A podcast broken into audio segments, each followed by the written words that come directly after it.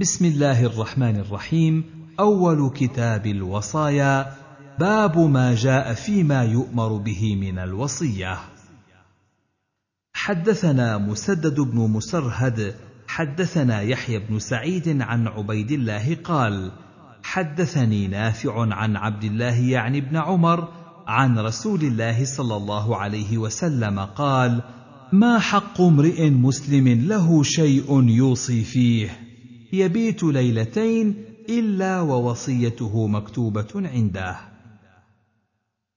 حدثنا مسدد ومحمد بن العلاء قال حدثنا أبو معاوية عن الأعمش عن أبي وائل عن مسروق عن عائشة قالت ما ترك رسول الله صلى الله عليه وسلم دينارا ولا درهما ولا بعيرا ولا شاه ولا أوصى بشيء باب ما جاء فيما يجوز للموصي في ماله حدثنا عثمان بن أبي شيبة وابن أبي خلف. قال حدثنا سفيان عن الزهري عن عامر بن سعد عن أبيه قال مرض مرضا قال ابن أبي خلف بمكة ثم اتفقا أشفي فيه فعاده رسول الله صلى الله عليه وسلم فقال يا رسول الله إن لي مالا كثيرا وليس يرثني إلا ابنتي. أفأتصدق بالثلثين؟ قال لا. قال فبالشطر؟ قال لا. قال فالثلث؟ قال الثلث. والثلث كثير. إنك إن تترك ورثتك أغنياء خير من أن تدعهم عالة يتكففون الناس. وإنك لن تنفق نفقة إلا أجرت فيها حتى اللقمة تدفعها إلى في امرأتك. قلت يا رسول الله أتخلف عن هجرتي؟ قال إنك إن تخلف بعدي فتعمل عملا صالحا تريد به وجه الله لا تزداد به إلا رفعة ودرجة. لعلك أن تخلف حتى ينتفع بك أقوام ويضر بك آخرون. ثم قال اللهم أمض لأصحابي هجرتهم ولا تردهم على أعقابهم لكن البائس سعد بن خولة يرثي له رسول الله صلى الله عليه وسلم أن مات بمكة. باب ما جاء في كراهية الإضرار في الوصية. حدثنا مسدد قال حدثنا عبد الواحد بن زياد قال حدثنا عمارة بن القعقاع عن أبي زرعة بن عمرو بن جرير عن أبي هريرة قال قال رجل لرسول الله صلى الله عليه وسلم يا رسول الله أي الصدقة أفضل؟ قال ان تصدق وأنت صحيح حريص تأمل البقاء وتخشى الفقر ولا تمهل حتى إذا بلغت الحلقوم قلت لفلان كذا ولفلان كذا وقد كان لفلان.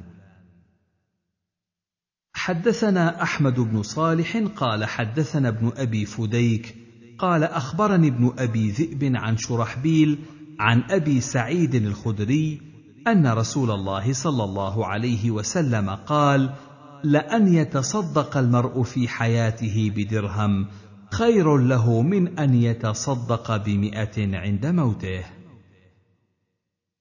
حدثنا عبدة بن عبد الله قال أخبرنا عبد الصمد قال حدثنا نصر بن علي الحداني قال حدثنا الأشعث بن جابر قال حدثني شهر بن حوشب أن أبا هريرة حدثه أن رسول الله صلى الله عليه وسلم قال إن الرجل ليعمل أو المرأة بطاعة الله ستين سنة ثم يحضرهما الموت فيضاران في الوصية فتجب لهما النار. قال وقرأ علي أبو هريرة منها هنا من بعد وصية يوصى بها أو دين غير مضار حتى بلغ ذلك الفوز العظيم قال أبو داود هذا يعني الأشعث بن جابر جد نصر بن علي. باب ما جاء في الدخول في الوصايا. حدثنا الحسن بن علي حدثنا أبو عبد الرحمن المقرئ. قال حدثنا سعيد بن أبي أيوب عن عبيد الله بن أبي جعفر عن سالم بن أبي سالم الجيشاني عن أبيه عن أبي ذر قال قال لي رسول الله صلى الله عليه وسلم يا أبا ذر إني أراك ضعيفا وإني أحب لك ما أحب لنفسي فلا تأمرن على اثنين ولا تولين مال يتيم. قال أبو داود تفرد به أهل مصر. باب ما جاء في نسخ الوصية للوالدين والأقربين. حدثنا أحمد بن محمد المروزي حدثني علي بن حسين بن واقد عن أبيه عن يزيد النحوي عن عكرمة عن ابن عباس إن ترك خيرا الوصية للوالدين والأقربين فكانت الوصية كذلك حتى نسختها آية الميراث. باب ما جاء في الوصية للوارث. حدثنا عبد الوهاب بن نجدة قال حدثنا ابن عياش عن شرحبيل بن مسلم قال سمعت أبا أمامة قال سمعت رسول الله صلى الله عليه وسلم يقول إن الله قد أعطى كل ذي حق حقه فلا وصية لوارث. باب مخالطة اليتيم في الطعام. حدثنا عثمان بن أبي شيبة قال حدثنا جرير عن عطاء عن سعيد بن جبير عن ابن عباس قال لما أنزل الله عز وجل ولا تقربوا مال اليتيم إلا بالتي هي أحسن وإن الذين يأكلون أموال اليتامى ظلما الآية انطلق من كان عنده يتيم فعزل طعامه من طعامه وشرابه من شرابه فجعل يفضل من طعامه فيحبس له حتى يأكله أو يفسد. فاشتد ذلك عليهم فذكروا ذلك لرسول الله صلى الله عليه وسلم فأنزل الله عز وجل ويسألونك عن اليتامى قل إصلاح لهم خير وإن تخالطوهم فإخوانكم فخلطوا طعامهم بطعامه وشرابهم بشرابه. باب ما جاء فيما لولي اليتيم أن ينال من مال اليتيم. حدثنا حميد بن مسعدة أن خالد بن الحارث حدثهم. قال حدثنا حسين يعني المعلم عن عمرو بن شعيب عن أبيه عن جده أن رجلا أتى النبي صلى الله عليه وسلم فقال إني فقير ليس لي شيء ولي يتيم. قال فقال كل من مال يتيمك غير مسرف ولا مبادر ولا متأثل. باب ما جاء متى ينقطع اليتم. حدثنا أحمد بن صالح قال حدثنا يحيى بن محمد المدني قال حدثنا عبد الله بن خالد بن سعيد بن أبي مريم عن أبيه عن سعيد بن عبد الرحمن بن رقيش أنه سمع شيوخا من بني عمرو بن عوف ومن خاله عبد الله بن أبي أحمد. قال قال علي بن أبي طالب حفظت عن رسول الله صلى الله عليه وسلم لا يتم بعد احتلام ولا صمات يوم إلى الليل. باب ما جاء في التشديد في أكل مال اليتيم. حدثنا أحمد بن سعيد الهمداني قال حدثنا ابن وهب عن سليمان بن بلال عن ثور بن زيد عن أبي الغيث عن أبي هريرة أن رسول الله صلى الله عليه وسلم قال اجتنبوا السبع الموبقات قيل يا رسول الله وما هن؟ قال الشرك بالله والسحر وقتل النفس التي حرم الله إلا بالحق وأكل الربا وأكل مال اليتيم والتولي يوم الزحف وقذف المحصنات الغافلات المؤمنات. قال أبو داود أبو الغيث سالم مولى بن مطيع. حدثنا إبراهيم بن يعقوب الجوزجاني قال حدثنا معاذ بن هانئ قال حدثنا حرب بن شداد قال حدثنا يحيى بن أبي كثير عن عبد الحميد بن سنان. حدثنا عبيد بن عمير عن أبيه أنه حدثه وكان له صحبة. أن رجلا سأله فقال يا رسول الله ما الكبائر؟ قال هن تسع. فذكر معناه زاد وعقوق الوالدين المسلمين واستحلال البيت الحرام. قبلتكم احياء وأمواتا. باب ما جاء في الدليل على أن الكفن من جميع المال. حدثنا محمد بن كثير قال أخبرنا سفيان عن الأعمش عن أبي وائل عن خباب قال مصعب بن عمير قتل يوم أحد ولم يكن له إلا نمرة. كنا إذا غطينا بها رأسه خرجت رجلاه وإذا غطينا رجليه خرج رأسه.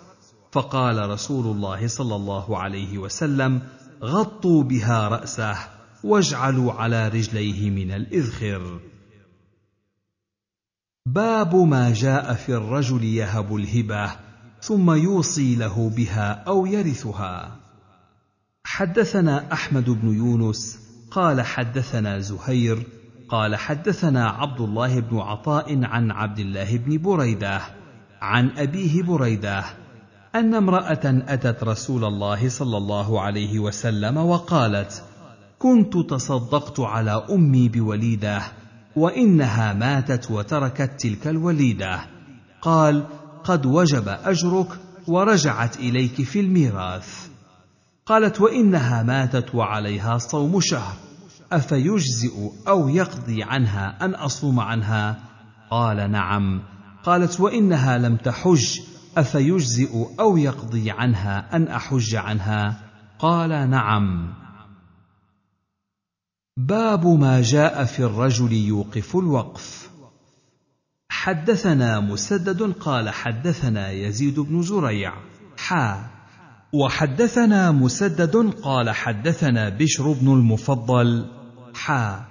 وحدثنا مسدد قال حدثنا يحيى عن ابن عون عن نافع عن ابن عمر قال أصاب عمر أرضا بخيبر فأتى النبي صلى الله عليه وسلم فقال أصبت أرضا لم أصب مالا قط أنفس عندي منه فكيف تأمرني به؟ قال إن شئت حبست أصلها وتصدقت بها. فتصدق بها عمر أنه لا يباع أصلها ولا يوهب ولا يورث للفقراء والقربى والرقاب وفي سبيل الله وابن السبيل وزاد عن بشر والضيف. ثم اتفقوا. لا جناح على من وليها أن يأكل منها بالمعروف ويطعم صديقا غير متمول فيه. زاد عن بشر قال وقال محمد غير متأثل مالا. حدثنا سليمان بن داود المهري. قال أخبرنا ابن وهب قال أخبرني الليث عن يحيى بن سعيد عن صدقة عمر بن الخطاب قال نسخها لي عبد الحميد بن عبد الله بن عبد الله بن عمر ابن الخطاب. بسم الله الرحمن الرحيم هذا ما كتب عبد الله عمر في ثمغ فقص من خبره نحو حديث نافع. قال غير متأثل مالا فما عفى عنه من ثمره فهو للسائل والمحروم. قال وساق القصة. قال وإن شاء ولي ثمغ اشترى من ثمره رقيقا لعمله. وكتب معيقيب وشهد عبد الله بن الأرقم بسم الله الرحمن الرحيم. هذا ما أوصى به عبد الله عمر أمير المؤمنين.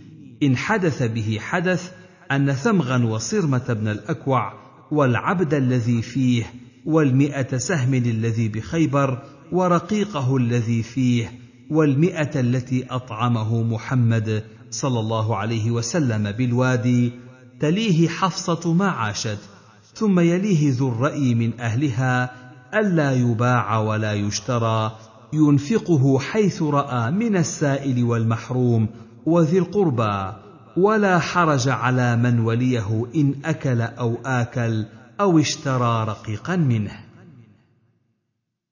باب ما جاء في الصدقة عن الميت.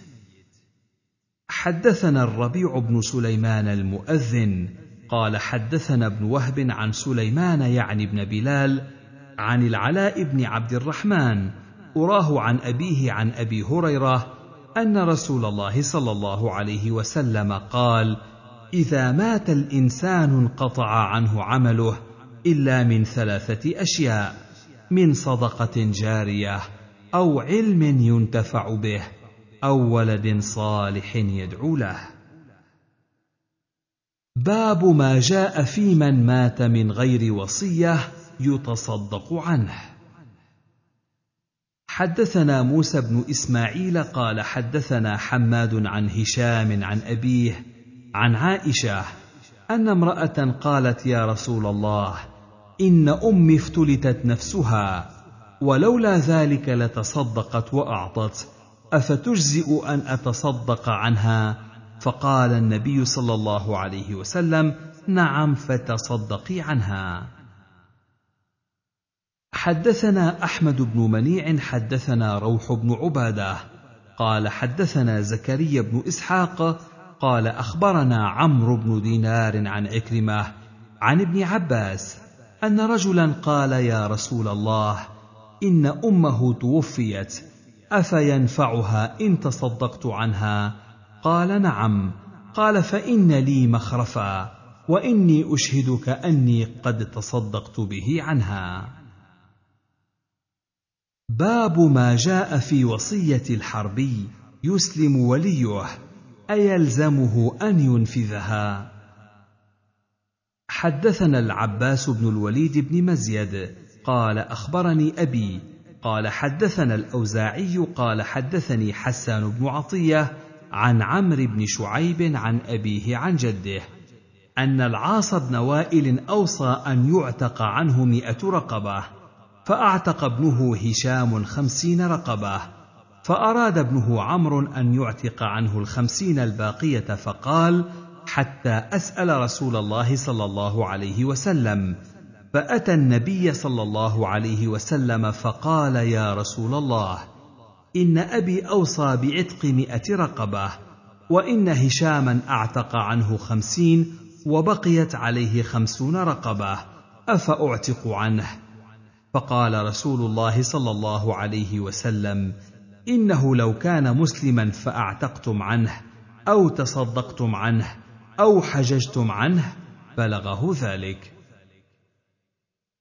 باب ما جاء في الرجل يموت وعليه دين وله وفاء يستنظر غرماؤه ويرفق بالوارث. حدثنا محمد بن العلاء أن شعيب بن إسحاق حدثهم عن هشام بن عروة عن وهب بن كيسان عن جابر بن عبد الله أنه أخبره أن أباه توفي وترك عليه ثلاثين وسقا لرجل من اليهود فاستنظره جابر فأبى فكلم جابر رسول الله صلى الله عليه وسلم أن يشفع له إليه. فجاء رسول الله صلى الله عليه وسلم فكلم اليهودي ليأخذ ثمر نخله بالذي له عليه فأبى عليه وكلمه رسول الله صلى الله عليه وسلم أن ينظره فأبى. وساق الحديث. آخر كتاب الوصايا.